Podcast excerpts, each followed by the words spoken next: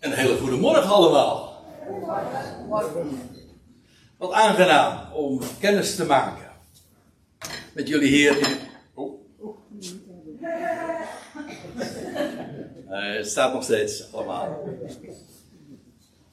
Om kennis met elkaar te maken hier. En wij hebben inderdaad, zoals uh, zojuist al gememoreerd, al een hele reis erop zitten. En uh, er zijn er meerdere trouwens hier in dit gezelschap die uh, een flinke afstand hebben overbrugd. ik moet u zeggen, ik vind het een, een groot voorrecht om met jullie het, uh, het woord te delen. En het thema wat ik vanmorgen graag eens in jullie midden wil neerleggen is, dat zie je hier achter mij geprojecteerd.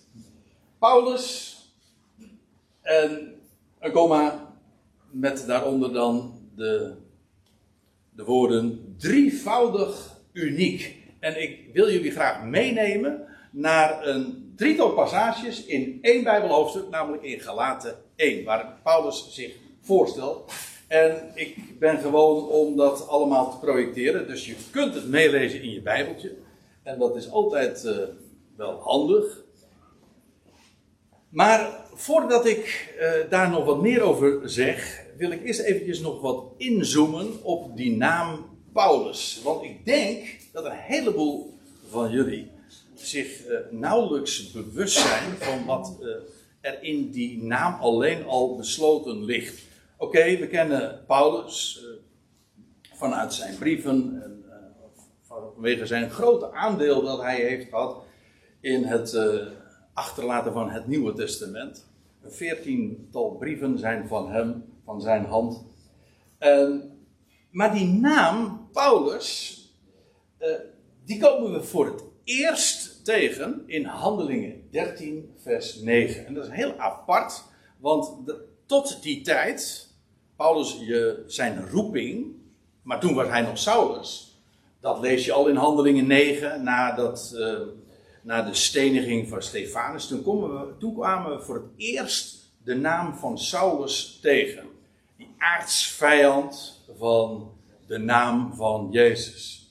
Maar al die tijd eh, blijft hij eh, Saulus heten. En pas in Handelingen 13, als Paulus gaat reizen en naar de natieën toe gaat, naar de heidenen, zo u wilt, dan pas lees je die naamsverandering. Dan staat er in vers 9 van het hoofdstuk 13.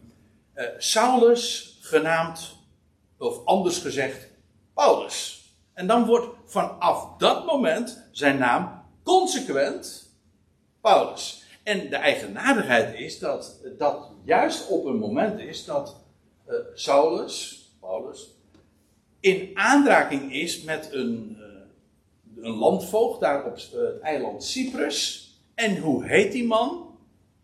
Sergius Paulus.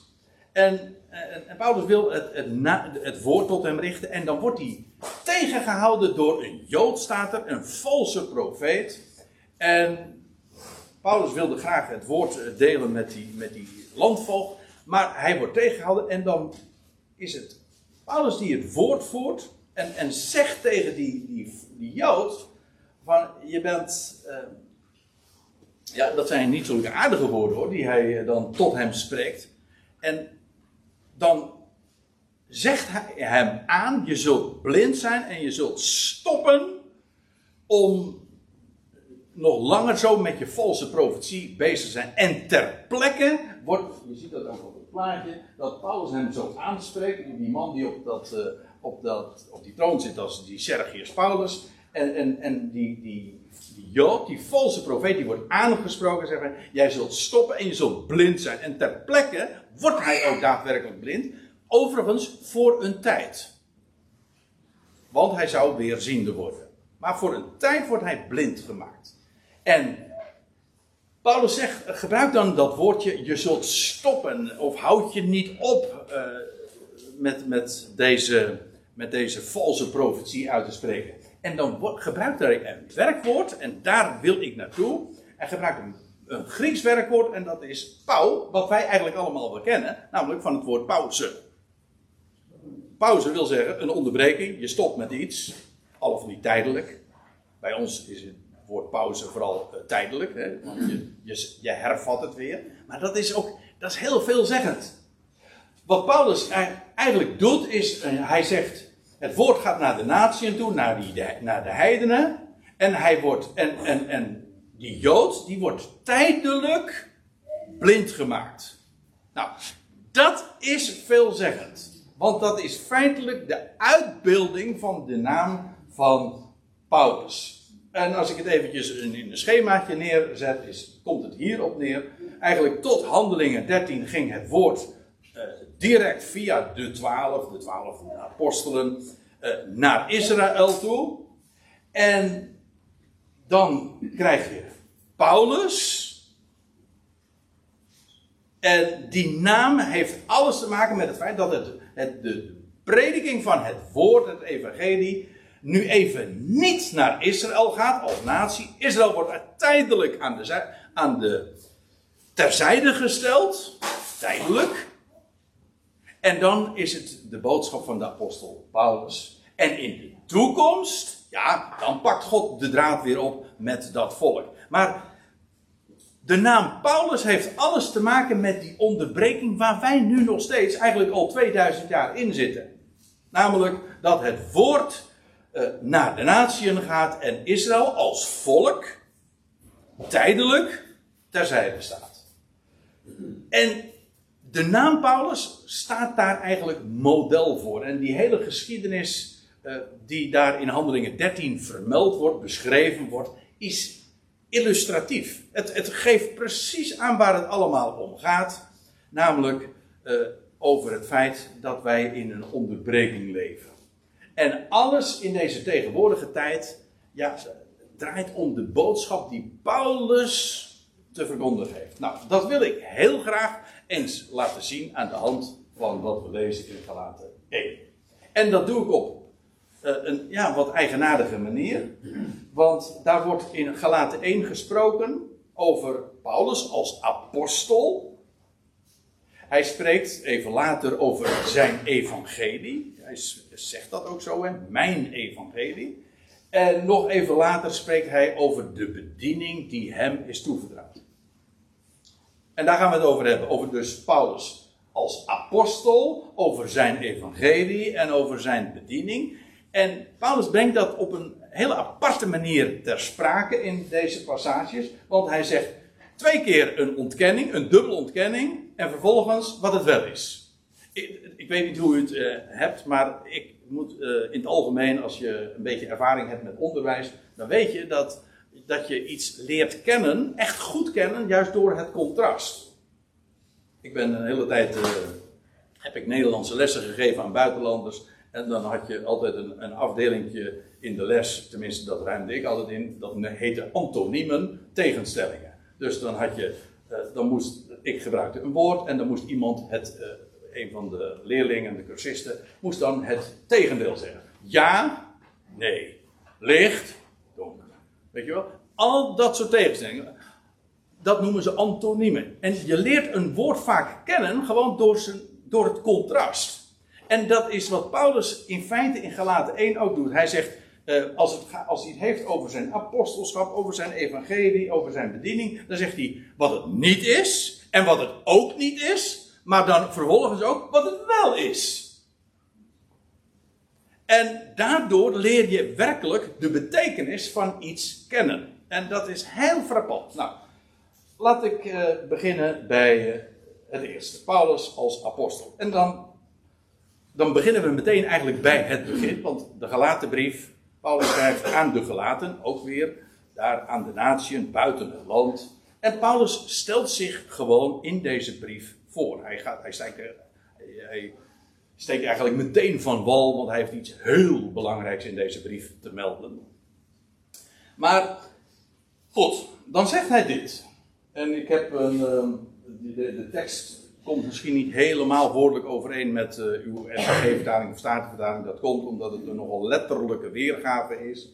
Zojuist uh, werd in de zangleiding ook al een paar keer gerefereerd aan, aan de grondtekst. En ja, weet u, uh, God heeft zijn woord niet gegeven in het Nederlands. Nee, hij heeft dat laten optekenen ooit in het Hebreeuws, in het Grieks. Dat is de grondtekst. En daar moet je eigenlijk naar terug. Als je wil weten wat er precies staat, dan moet je weten niet wat de vertaling zegt, maar wat het origineel zegt. Oké. En dan zegt hij in vers 1 dit. Uh, als hij zich voorstelt. Paulus, oké. Dan weet je meteen wie, uh, over wie we het hebben. Wij zeggen de afzender meestal aan het einde van de, van de brief. Terwijl het, het is een beetje een absurde gewoonte. Want het eerste wat jij wil weten als je een brief krijgt is: van wie is die?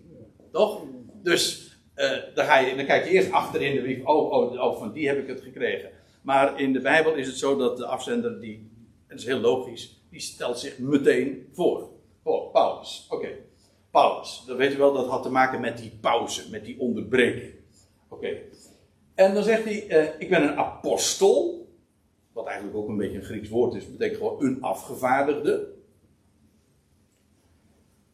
Oké, en dan zegt hij, Paulus, apostel, en dan zegt hij niet van mensen, ook niet door een mens, hier op aarde, maar door Jezus Christus.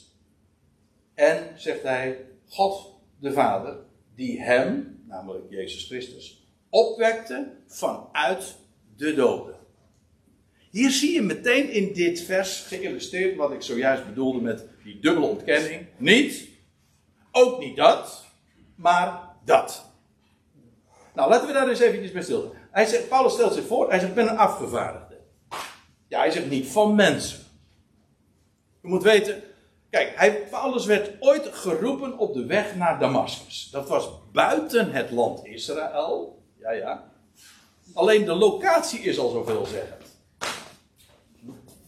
Waar hij geroepen werd. Maar ook wanneer hij geroepen werd. Want het was, ik, ik zei het zojuist al even kort. Uh, hij werd geroepen uh, op een heel laat tijdstip. Ik bedoel, de Jezus was al lang en breed van het aardse toneel verdwenen. Hij was vanaf de olijfberg ten hemel gevaren. En er, zijn, er liggen jaren tussen. Toen ging de boodschap nog door de twaalf naar Israël toe.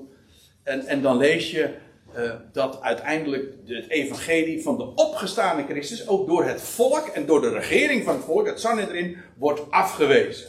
En dan wordt, uh, dan wordt Stefanus gestenigd. Eigenlijk officieel door het volk. Eigenlijk dat is de afwijzing van het volk uh, van Israël van het evangelie. Nou, na de steniging van Stefanus, dan wordt Paulus pas geroepen hij is van een heel andere categorie dan de twaalf. Ik bedoel, de twaalf van uh, Jacobus, Petrus, Johannes en al die anderen. Ja, die hebben hier op aarde een opleiding genoten van de Heer Jezus. Jarenlang zijn ze met hem opgetrokken. En die hebben dat allemaal meegemaakt. Paulus niet. Het was een totaal ander verhaal. Sterker nog, Paulus moest niks van hem hebben. En dan pas wordt hij op een moment geroepen dat Israël eigenlijk het evangelie al had afgewezen. En dan wordt hij buiten het land geroepen. Zowel het tijdstip als de locatie is veelzeggend. En, en dan wordt een vijand. Saul, Saul, wat vervolg je mij? Dan wordt een vijand geroepen vanuit de hemel. Niet, hij was geen apostel die geroepen was uh, door de Heer Jezus hier op aarde vanaf, vanuit de uh, vanuit de vissersboot, zoals Petrus, Jacobus, Johannes. Nee, uh, hij werd geroepen vanuit de hemel. Ook door Jezus Christus, maar een hemelse Heer. vanuit de hemel geroepen. En een, een licht omstraalde hem, waardoor hij dagenlang zelfs ook blind was. Zo uh, fel was dat hemelse licht. Ziet u hoe, hoe totaal anders die roeping van van deze Paulus is. Hij hoort niet bij de twaalf. Hij zegt ook: Ik ben een apostel niet van mensen. Hij zegt: Het is niet een mens die mij uh, heeft afgevaardigd. Ik ook niet door een mens. Hij zegt: Ik ben niet, bijvoorbeeld, dat zullen we straks ook zien. Ik ben niet geroepen door uh, die, door die collega-apostelen in Jeruzalem. Eigenlijk heb ik daar niks mee te maken. Ik, ik, ik ben onafhankelijk van hen geroepen en afgevaardigd. Niet van mensen, ook niet door een mens, maar zegt hij door Jezus Christus zelf. Vanuit de hemel. Een vijand. Paulus was, moet uitkijken met deze, met dat uh, spreekgestoelte natuurlijk. Ik zal laat niet te veel leunen. Maar hij werd Hij zocht, hij zocht niet Jezus van Nazareth. Ja, hij zocht Jezus van Nazareth te vervolgen. En iedereen die met hem uh, geassocieerd werd, ja, tot zelfs in de buitenlandse steden, hij ging nu op weg naar Damascus. Een vijand. En hij werd over, hij zegt dat later in de Timotheusbrief. En zijn genade heeft mij overweldigd. Saulus heeft nooit voor Jezus gekozen. Nee, de Heer Jezus Christus koos voor hem en hij werd overweldigd. Hij kon niet eens anders meer. Kijk, dat is genade. En een vijand werd van ene op het andere moment verzoend. Een vijand werd een liefhebber. En dat is die enorme radicale ommekeer die in zijn leven gebracht werd door Jezus Christus. Hij zegt: Ben ik geroepen? En hij zegt erbij: Ja, en, ik, en daarmee ook van God de Vader, die hem, Jezus Christus, opwekte uit de dood. Ja, Jezus Christus, we hebben zojuist daarover eh, gezongen. Hij is opgestaan uit de doden. Ja, maar waarom is hij opgestaan? Omdat hij door zijn God en Vader werd opgewekt uit de doden. Dat wil zeggen, alle doden bleven achter en hij werd er vanuit, tussen die doden op, uh, uit, werd hij opgewekt. Nou, Paulus zegt, alsjeblieft, uh, wil je weten wie ik ben? Gewoon hoofdstuk 1, vers 1, Paulus, een afgevaardigde. Niet van mensen, ook niet door een mens, maar door Jezus Christus. En van God de Vader, hè, die hem opwekte vanuit de doden. Dus als ik het eventjes schematisch voorstel, uh, om eventjes dat tabelletje er weer eh, bij te halen. Paulus, uh, niet een apostel van, uh, niet van mensen, ook niet door een mens, maar door Jezus Christus. Oké, dat is de eerste. Dat is als we het hebben over Paulus als apostel. Nou gaan we eventjes een paar versen skippen. En dan komen we bij vers 12 uit. En dan lezen we, nee, vers 11. En dan lezen we het volgende. En dan krijg je weer dezelfde structuur te zien. Nou, lees maar met me mee.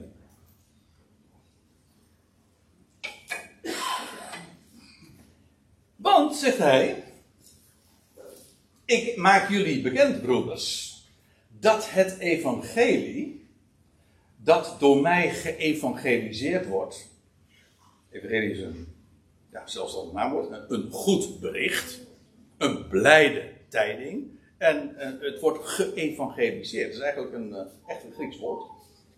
Een, een blijde boodschap wordt uh, als blijde boodschap doorgegeven. En dat evangelie dat door mij verteld wordt, hij zegt, dat is niet naar de mens. Het is niet, een mens heeft dat niet bedacht. Het is, het is niet in lijn met wat een mens zou bedenken. Het is, niet, het is wel voor de mens, alsjeblieft. Een geweldige boodschap van de genade Gods die reddend is verschenen voor alle mensen. Ik bedoel, zelfs een vijand is voor, is voor God geen probleem uh, om iemand te redden hoor. Want hij maakt van vijanden vrienden en liefhebbers. Kijk, dat is genade. En dat is niet naar de mens. Want ja, u weet het, hè, eh, dat, is altijd, dat is typerend voor, ook voor menselijke godsdienst en religie. Wij moeten iets doen, wij moeten iets werken, wij moeten iets verdienen, wij moeten kiezen. Nee, nee, dat is allemaal naar de mens. Weet je wel, in feite wordt daarmee de mens op een voetstuk gezet. Wat jij doet. Nou, Paulus' boodschap was uh, niet in lijn daarmee. Het is niet naar de mens. Hij zegt dan in vers 12: Want van een mens ontving ik het ook niet. Waarom is het niet naar de mens? Wel, hij zegt: Ik heb het ook niet van een mens gekregen. Het is ook niet zomaar van menselijke. iemand hier op aarde van die oorsprong. Het heeft een totale andere oorsprong, een totale andere origine. Hij zegt: Want van een mens ontving ik het ook niet. Nog werd het mij onderwezen. Maar zegt hij: Door onthulling van Jezus Christus. En hier dus weer niet, ook niet, maar wat dan wel. Kijk, Paulus werd geroepen vanuit de hemel. Ik, ik, uh, ik, ik sprak er zojuist al even over. Maar dat niet alleen. Hij zegt: ik ontving het niet alleen maar uh, niet van een mens. Nee, hij zegt, ik heb het ook niet onderwezen gekregen door een mens. En dat is eigenaardig. Het is dus niet zo, hij werd, zo wordt het vaak voorgesteld. Ja, Oké, Paulus werd geroepen vanuit de hemel en vervolgens uh, zal hij door anderen op de hoogte gebracht zijn en onderwezen zijn van hoe het nou precies zit met Jezus. Nee, zegt hij. Hij zegt, ik, want van een mens ontving ik het ook niet, nog werd het mij onderwezen. Hoe dan wel? Hoe werd het hem door, hoe werd, hoe werd Paulus nou onderwezen? Hoe werd hij bekend? Hoe werd hij onderlegd? Hoe kreeg hij al zijn informatie? Hoe wist hij dat alles? Nou, zegt hij, door onthulling van Jezus Christus. De apocalypsis, de onthulling. Jezus Christus heeft zich aan mij bekendgemaakt. En dat is niet zo uh, heel erg bekend. Maar je kunt dat nalezen. Ik ga dat nu niet uh, nazoeken, maar, uh, of in ieder geval, ik, ik geef de schriftplaats wel eventjes ter vermelding. Maar je leest in Handelingen 26. Dat is heel apart. Dat als, als Paulus dan bij, voor koning Agrippa staat en daar zegt hij van ja, ik, de Heer is aan mij, Jezus Christus is aan mij verschenen. Maar dat niet alleen. Toen hij aan uh, Jezus Christus aan Saulus verscheen, toen zei hij, ik ga ook nog aan jou verschijnen. Ik, ik ben aan jou verschenen en ik zal ook nog aan jou verschijnen. Dus uh, je hoort nog van me, van spreken. Ik maak je nog meer bekend. Dat betekent dus dat Saulus van Tarsus geroepen werd door Jezus Christus vanuit de hemel, daar buiten het land, na, nou ja, na de twaalf en na de steniging van Stefanus. Hij werd geroepen, maar hij werd vervolgens ook ingeleid en bekendgemaakt met en onderwezen door Jezus Christus zelf. En we zullen dat eh, straks ook zien als we bij de volgende, de volgende afdeling, bij zijn bediening. Paulus is later naar Arabië gegaan. Meteen. Hij, ja, dat lees je. Ik, ik, ga, ik ga straks het bonnetje er ook bij leveren. Hij is naar Arabië gegaan. Weet u, Arabië wordt nog één keer meer in, de, in, in, uh, in het Nieuwe Testament genoemd. In dezezelfde brief trouwens. Weet u wat er in Arabië gebeurd is? Daar heeft ooit Mozes de wet gekregen. De Sinaï. Er staat in Galaten 4 de berg Sinaï die in Arabië is. Aha. Dus daar waar ooit God verscheen is een de wet gaf via Mozes. Daar is Paulus onderwezen door Jezus Christus zelf. Door onthulling van Jezus Christus. En op diezelfde locatie, waar ooit de wet gegeven werd, daar ging God, of de Heer Jezus Christus zelf, Paulus, Saulus, onderwijzen over de genade en alles wat hij te melden. Ziet u trouwens ook, logischerwijs is Paulus' boodschap, natuurlijk, je kunt zeggen van ja, maar het is toch het allemaal hetzelfde evangelie, wat de twaalf brachten, Jacobus, Petrus, Johannes, en wat Paulus bracht is allemaal hetzelfde. Nee, echt niet. Ja, het heeft dezelfde basis. Absoluut. Het is, weet u wat er allemaal centraal staat in, in, elk, in welke boodschap ook? Of je het nou over Jacobus of Petrus of Johannes hebt of Paulus, ze predikten allemaal de opgewekte Christus. Jezus Christus, die door God is opgewekt uit de doden. Dat is de basis. Maar Paulus wist meer.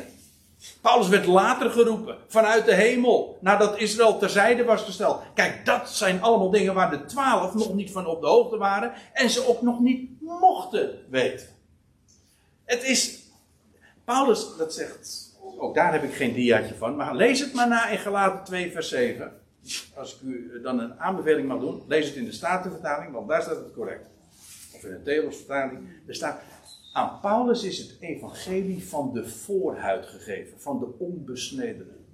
Zoals aan, jou, aan Petrus het evangelie van de besnijder is. Het evangelie van Israël, dat is aan, die, aan de twaalf gegeven. Paulus is het evangelie van de natie. Kijk, dat is zo'n groot verschil. Dus Paulus wist meer. Zijn perspectief is een andere. Bij Paulus overtreft ook de genade die alles overweldigt. Hij was zelf de belichaming daarvan. Van, die, die, van de genade Gods. Ja, hij zegt, eh, waarom moest Paulus uh, speciaal onderwijs krijgen? Nou, gewoon omdat hij hele speciale dingen te melden had. Anders had hij net zo goed meteen naar Jeruzalem kunnen gaan. En zeggen van, nou, hoe zit de vork aan de steel? Vertel het me maar, Petrus of Jacobus. Nee, nee, zo is het niet gegaan. Jezus Christus zegt, ik heb jou hele bijzondere dingen te melden, die jij straks onder de natie mag brengen. En wat de twaalf niet wisten. Dus een update, om het even in computertermen te zeggen. Een nieuwe versie. Want inmiddels is de situatie weer veranderd. Israël is nu tijdelijk terzijde gezet. En nu, jij Paulus, jij moet dit weten. Jij moet eerst weten, wil je het kunnen doorvertellen natuurlijk.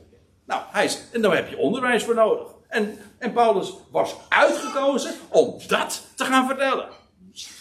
Maar daarvoor moest hij eerst worden onderwezen. Dus, nou, een tweede samenvatting. Of eventjes dat tabelletje weer. Uh, ook nu, als het gaat over zijn evangelie, de boodschap die, is, die hij mocht brengen, hij zegt ook, hij noemt het een paar keer in zijn brieven, mijn evangelie. Waarom? Mijn evangelie. Ja, dat was het evangelie wat aan hem door onthulling was toevertrouwd en bekendgemaakt.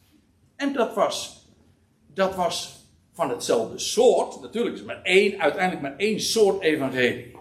Ja, maar het evangelie dat aan een Abraham verteld werd, dat was toch echt wat anders dan van Petrus. Hè? Ik bedoel, eh, er zijn zoveel goede berichten in de Bijbel, zoveel evangeliën.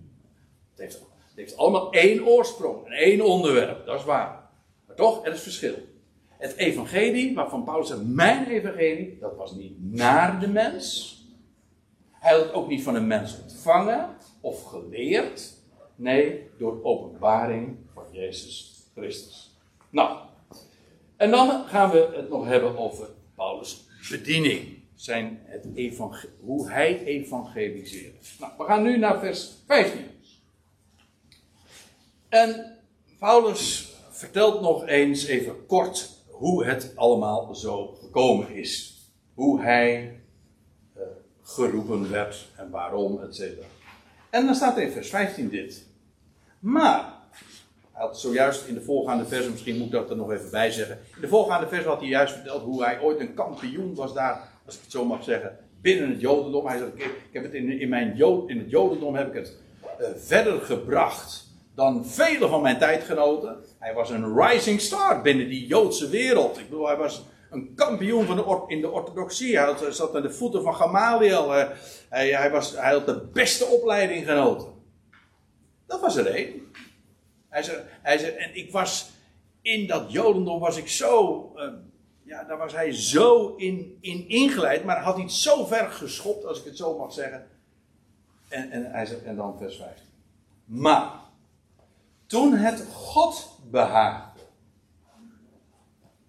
die mij afzonderde, vanaf, vanuit de schoot van mijn moeder, en roept door zijn genade. Kijk, weet u, alles is, alles is genade. Dat, dat, dat, heeft, dat kan iets van een beetje een holle frase zijn. Weet je wel. Ja, natuurlijk, als wij als christenen bij elkaar zijn, dan zeggen we alles is genade. En dan, eh, dat, dat zijn van die uitdrukkingen die, die van die platgetreden paarden kunnen worden. Nee, moet je eens goed beseffen wat het is. Genade wil zeggen dat het om niet is. Dat er dus geen enkele prestatie of verdienste van jou bij zit. Totaal niet. Kijk, Saulus, Paulus, was al afgezonderd vanaf de schoot van zijn moeder. Wist hij veel? Ja, als je in de schoot van je moeder bent en ook als je daarna, als je eruit bent gekomen, daarna je geboren, weet je nog helemaal niks. Nee, hij, Saulus wist dat niet. Nee, maar God wel. En God had hem afgezonderd. Dat, dat behaagde God. Zo wilde God dat graag. Die vraagt hij niet van, vind je dat goed? De meeste dingen trouwens in het leven gaat het toch zo. God vraagt. De, de belangrijkste dingen in het leven, die worden niet aan jou gevraagd. Of je geboren wordt, ja of nee, of je, of je een jongetje of een meisje bent. Ja, tegenwoordig wordt het wel gevraagd, maar goed. Uh, hè? Maar al die dingen, ja, dat. of je gezond, of in welk huis, in welke tijd je geboren wordt, of je ouders rijk zijn. Al die dingen die eigenlijk bepalend zijn feitelijk voor je levensloop, wordt niet aan je gevraagd. Nee, God zet je daar gewoon in. En God maakt geen fout hoor. God maakt geen fout, hij, plaatst de dingen. het woord God betekent eigenlijk ook theos, betekent plaatsen. Hij zet de dingen, hij zet het een hier en het ander daar. Het ene hier en het andere daar. Of uh, het ene nu en het andere straks. En wie doet dat? Dat is maar één. Dat is maar één beschikker. Nou, God zegt, uh, Paulus zegt, God had behaagd, hij, en hij heeft mij al vanaf de, de schoot van mijn moeder gewoon afgezond. En hij roept mij door zijn genade. Gewoon puur om niets. En Paulus, Saulus was dan weliswaar een vijand van het evangelie. Was in de hele wereld niemand die zo'n hardgrondige hekel had. En dat ook bewees. Hij was de verzetsleider tegen die secte van de Nazareners. Zo wordt dat in, de, in het Nieuwe Testament genoemd. Ja. En juist hem moest.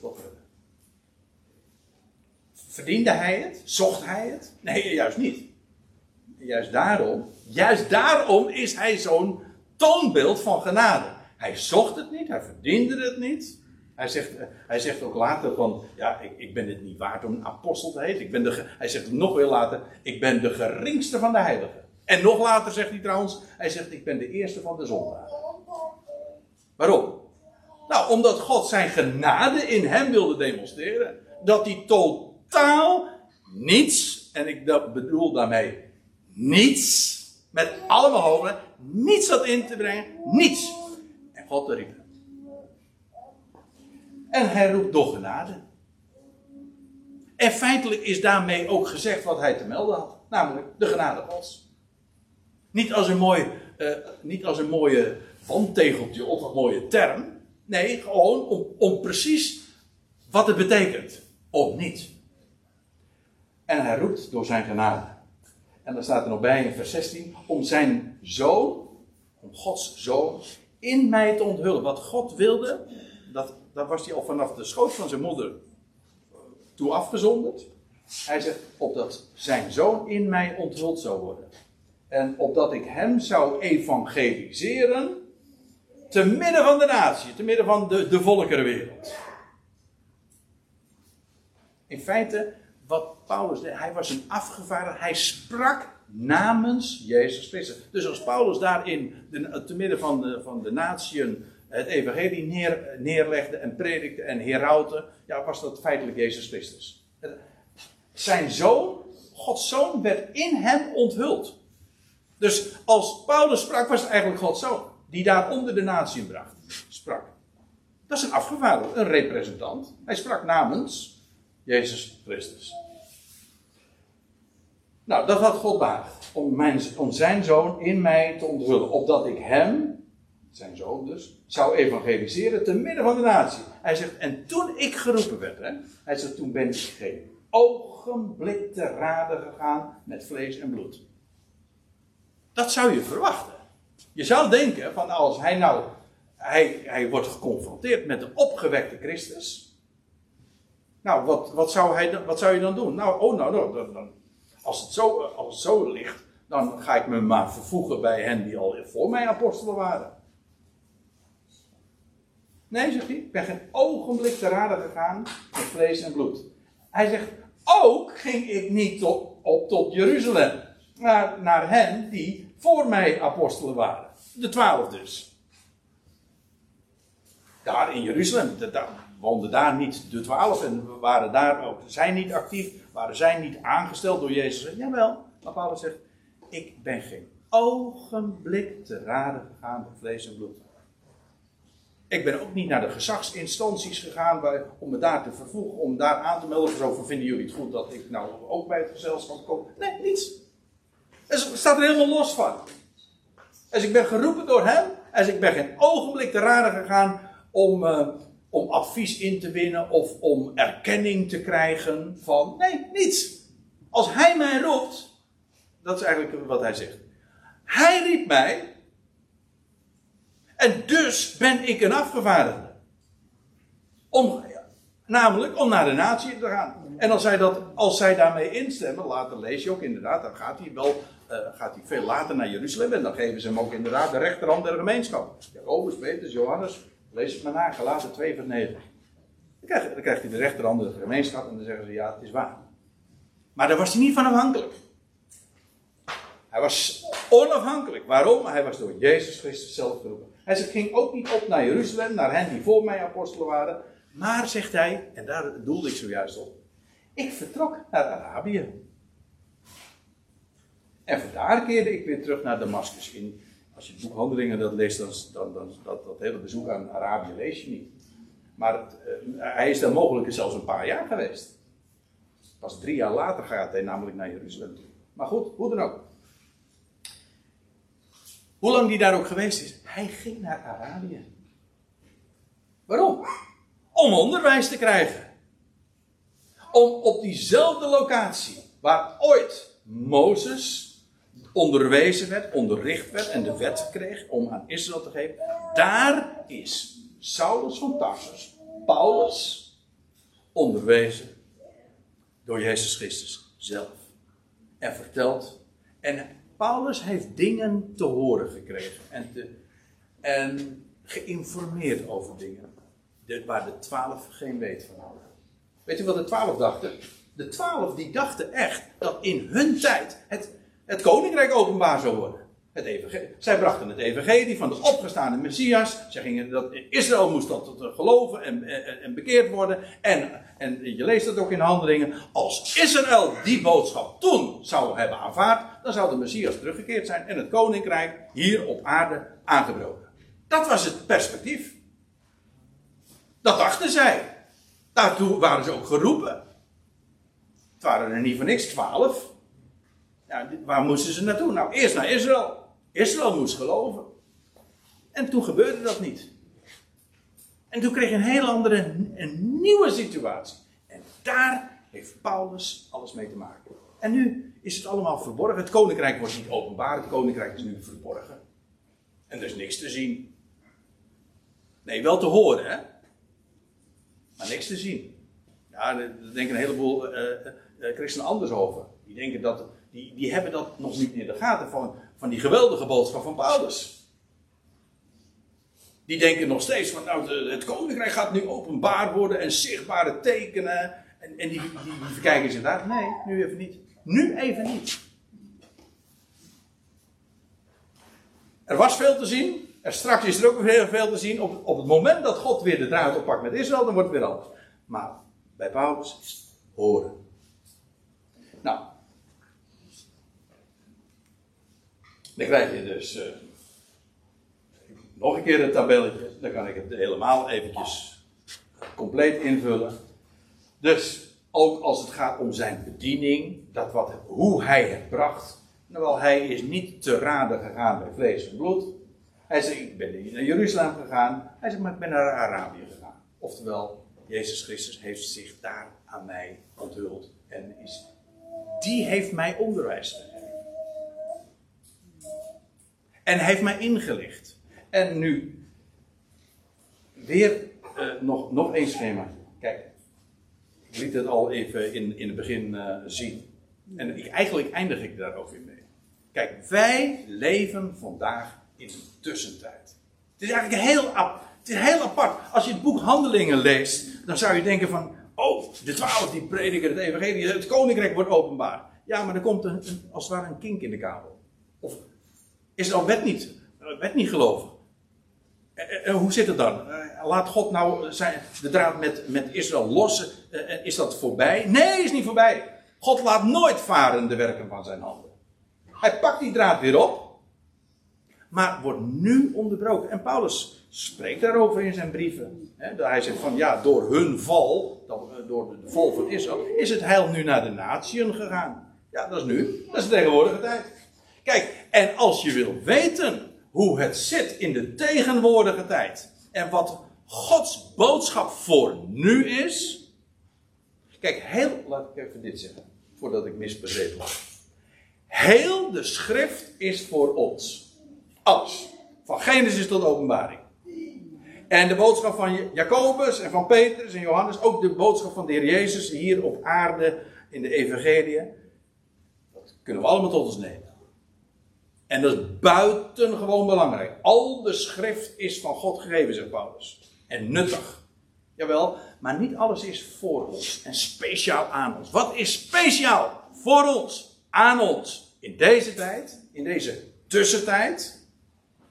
Dat Israël tijdelijk terzijde staat, in deze pauze, in deze onderbreking. Wel, dan moet je bij Paulus wezen. En dat is iets wat zo fundamenteel is. Om deze tijd te verstaan, wat God doet en wat Hij voornemens is. En wat de boodschap is die vandaag mag klinken. Dat, is, dat vind je bij inderdaad die man die geroepen werd buiten het land.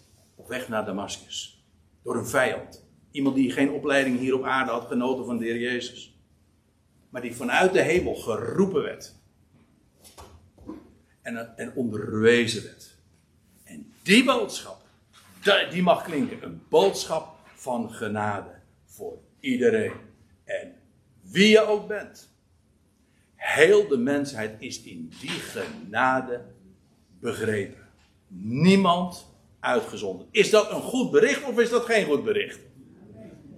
Hij houdt van jou, hij houdt van mij, hij houdt van al die miljarden mensen. Hij is mijn redder.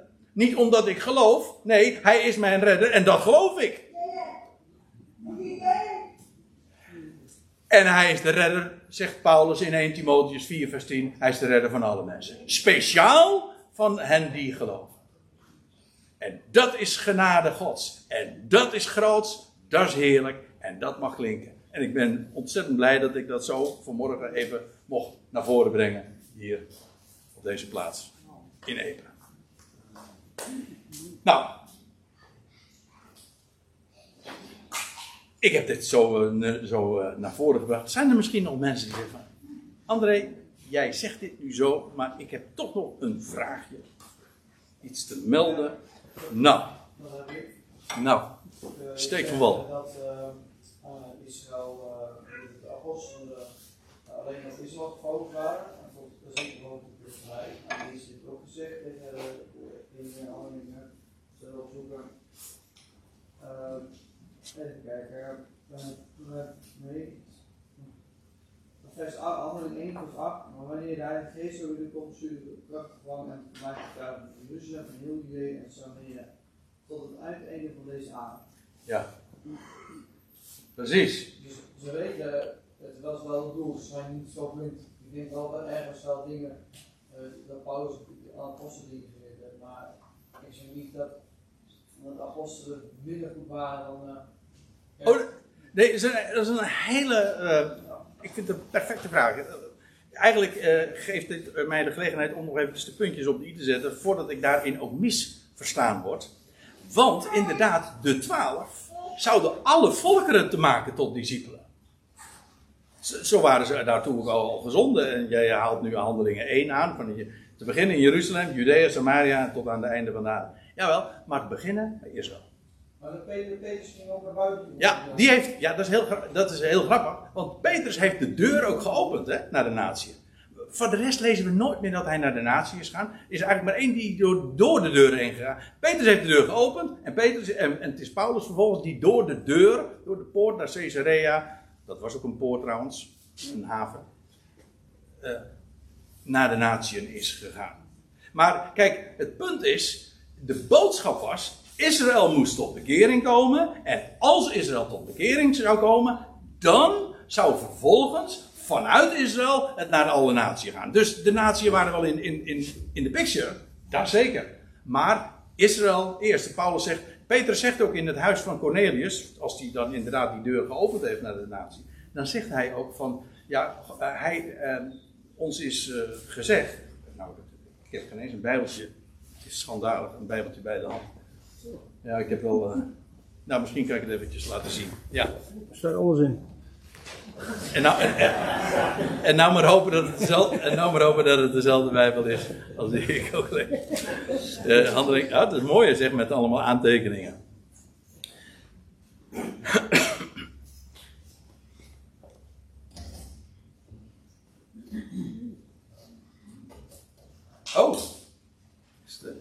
Zie helemaal. Uh,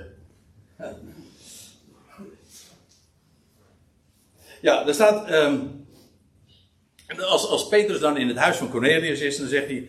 Uh, dan spreekt hij over de Heer Jezus. Deze heeft God. Uh, over de Heer Jezus. Deze heeft God opgewekt. Op de derde dag. En heeft gegeven dat hij zou verschijnen. Niet aan heel het volk. Maar aan de getuigen die door God tevoren verkozen waren. Dus maar de Heer Jezus is niet verschenen aan heel Israël. Maar aan getuigen. Speciaal om. En dan staat er. En hij in vers 42. En hij heeft ons bevolen tot het volk te prediken en te getuigen dat hij degene is die door God aangesteld is tot de rechter over levenden en doden enzovoorts. Dus eerst dat volk. En daarna zouden de volkeren uh, aan de beurt komen. Maar wat gebeurt er? Het volk wijst het af, officieel zelfs. Als het Sanhedrin Stefanus stenigt, dan hebben ze niet alleen de heer Jezus dus ooit gekruisigd, maar later ook hebben ze het evangelie van de opgestane Heer hebben ze officieel afgewezen. Ja, en dan maakt, dan rent, uh, dan, hoe zeggen ze dat? Dan uh, wordt Saulus eigenlijk ten tonelen gevoerd. En die gaat dan inderdaad door hun val naar de natie. Dus als ik het mag samenvatten, het komt erop neer. De twaalf hadden het perspectief.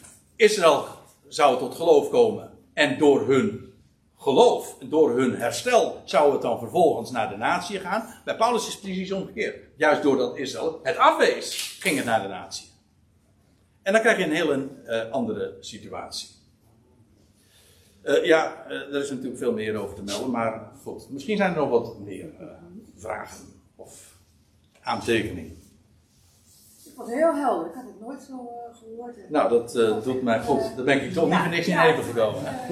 mooi, ja. ja. En, en, ik hoop ook, ik vind het prachtig dat dat, dat dat aansluit en dat je dat mooi vindt. Maar ook dat het, dat het belang hiervan gezien wordt. Hoe enorm fundamenteel het is om. hoe, ja, hoe, lees je, hoe lees je de Bijbel eigenlijk? We zeggen, mensen zeggen, de Bijbel is zo moeilijk, wat begin ik en wat is nou voor mij? Nou, heel simpel, bij Paulus. Hij, is de leer, hij zegt ook, ik ben de leermeester van de natie. Als je wil weten van, wij zijn uit de natie, van niet-Joden. Eh, hoe, hoe, moet je die Bijbel lezen? Dan moet je bij Paulus wezen. Bij hem moet je wezen, als je wil weten hoe, hoe, hoe de schrift verstaan moet worden, daar moet je beginnen. En dan kom je voor de rest, zeker weten, ook bij de rest van de schrift uit. Ja, nou, mooi. Uh, sorry, maar dit zit al drie jaar al vast. Ik heb alleen maar Paulus, Paulus, Paulus verkondigd. Terwijl eigenlijk, Paulus zelf zegt, is Paulus ons beeld, het is toch Jezus dat belangrijk is. Zeker. Ik wil Paulus niet mogen leren. Ik snap ook best dat je zegt dat de hele Bijbel, dat klopt helemaal, dat mogen lezen, maar wordt alleen maar zo gefocust op Paulus, of Paulus Jezus is. Jezus is belangrijk. Nee, het gaat, het gaat ook helemaal niet om Paulus. Paulus zegt het is helemaal niet, niet, niet ik, maar hij. Maar dat is nu juist het punt. Paulus, eh, het had God behaagd zijn zoon in mij te onthullen. Dus hij is een ambassadeur. Dat wat hij zegt is namens Jezus Christus. Hij is onderwezen door Jezus Christus. Dus alles wat hij vertelt, dat is in wezen. Dan luister ik. Kijk, als Paulus zijn brieven schrijft, dan zeg je van, nou, dat is wel, ja, dat is wat Paulus schreef. Nee, dat is wat Jezus Christus via Paulus doorgeeft. En ja, uh, dat is niet om de anderen, of om bijvoorbeeld Jacobus en Petrus en Johannes te disqualificeren. Integendeel, maar wel om het verschil en het onderscheid te zien. Dat is, uh, dat is uh, ja. zeer elementair. Hij zegt er ook van, van, als je dan tot geloof komt en zoek dan hem die boven is. Ja. Niet, waar, waar Christus is. Ja, de, waar, waar Christus is. Ja, precies. Ja, dat is, ook dat is een, een, een, een, verschil van perspectief. Ik bedoel, de twaalf die hadden vooral het oog ook op op, op de Heer Jezus Christus, die weer terug zou komen op aarde en in Jeruzalem zou heersen. Ja, wij, waar hebben wij nu mee te maken? Met een Christus. Hebben we hem ooit gezien? Nee. Waar is hij dan? Nou, hij is daarboven. Verborgen. En hij is verborgen en dat is typerend voor deze tijd. Dat hij verborgen is. Oké, dat gaat binnenkort uh, gaat hij uh, openbaar worden, maar nu nog steeds is hij de verborgen. En daarom, omdat hij verborgen is, zoeken we ook de dingen die boven zijn. Ik bedoel, het ligt niet op straat. Nee. het is niet te zien. Je zoekt het. En waar vind je het? Ja, gewoon in het woord. En waar, waar in het bijzonder? Nou, in onze dagen vind je dat bijzonder in zijn brieven. Dus uh, ja, het is, kijk, het is geen luchtfietsen wat we hier doen. Het is maar niet zo van, ja, ja, een beetje een aardig theologisch puntje. Als het academisch was, dan, eh, dan zou ik. Dan, dan zou het, eh, we zeggen dat heel vaak, hè, als een academische kwestie is. Dat betekent onbelangrijk. Het is niet academisch. Dus de- dit is fundamenteel om de waarheid te verstaan van de schriften. Dus eh, ja, Is, het, is er ook zaak dat je, eh, je geestelijke ogen hiervoor geopend worden? ja, Want in de, de omgeving waar wij natuurlijk wonen, daar leren ze ons anders. Hebben een anders geleerd. ja, Eh, religieus denken vaak ook. ja, Maar hier heb je echt geopende ogen voor nodig. absoluut. Om, om dat te zien. Ja, en wie opent ogen? Ja, en hoe krijg je die? Ja, ja dat is. eh, dit is ook, ook dat is het feit dat je mag geloven. Ja, kijk, eh, dat is, ook dat is erg godsdienstig, ook misschien zelfs evangelisch. Ik zeg, ja, ik heb voor Jezus geloofd. Nee, hij, oh, je leest in van, eh, van, van- als Paulus dan in, in Filippi is, en dan was daar een vrouw, een purperverkoopster, Lydia heette ze. En dan staat er van, en de Heere opende haar hart, zodat zij aandacht schonk aan hetgeen Paulus te vertellen had. Zo staat het. Kijk het maar naar in Handelingen 16, vers, wat is het, vers 14 of zoiets. Zoek het maar eens na. Ja, maar Paulus zegt ook, Ja. in principe wil de leer van Paulus ook dat de vrouw gaan zwijgen. Er staat in door 1 Corinthians vers 14, vers 4 en 7. Ja, Er staat inderdaad alle vrouwen, dat was een bekend verhaal. Ja. Maar hier, ik weet het niet, maar met, daar zit ik al drie jaar mee. Want, ja. nou ja, weet je, als je het niet erg vindt, weer die kwestie van eh, het zwijgen van de vrouw, wil ik eventjes terzijde laten. Niet om, om, dat, Nee, niet om het te omzeilen, maar andere manier. Ik doe niet van, dat snap ik dat niet. Maar als wij, ik vind het een beetje, ik vind het raar, want als we hier zo van Paulus zijn, moet ik toch voorgeven. Want zelf Paulus deed wat Jezus zei. Kijk, in vers 8, vers 6, dan sloeg hij echt de van zijn voeten af. Als, hij, als de mensen het niet aan ja zeker, ja. toch wat Jezus zei. Ja, en dat is ook precies eh, wat eh, eh, de, de boodschap wordt gebracht. En daar zijn er mensen. Weet je, het is altijd standaard. Hoe weet je nou, je, je, brengt het woord. En er zijn er mensen die zeggen: Wauw, geweldig, groot, heerlijk. Nou, hoe komt dat? Omdat die mensen zo goed zijn dat zij. Nee, helemaal niet. De Heer opent harten. En, dat- en dus schenken ze aandacht eraan.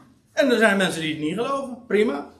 En dan, eh, en dan ga je weer verder. Weet je waarom? Weet je waarom je dat ook zo gemakkelijk kan doen? Als de Heer mijn ogen kan openen en die van Paulus, de grootste vijand, dan kan hij ook de ogen van een ander openen.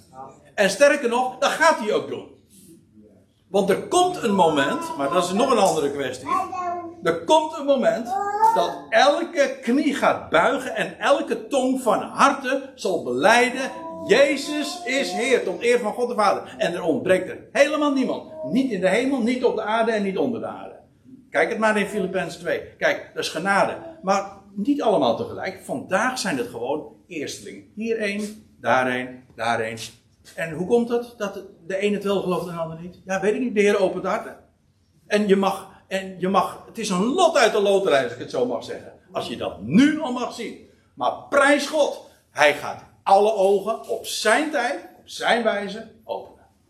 Zullen we het daarbij laten? Zullen we met elkaar nog onze hemelse vader danken? Of, Machtig God en Vader, we danken u voor het geweldige voorrecht dat u ons zo'n blijde tijding hebt bekendgemaakt. En dat wij in deze tussentijd mogen leven. En u hebt nog zoveel op het programma staan. En u gaat nog zoveel doen met, via uw volk Israël. En u hebt daar geweldige plannen mee, ook voor deze aarde. En u gaat het ook vervullen. En het lijkt soms alsof u het losgelaten hebt, maar het is slechts tijdelijk.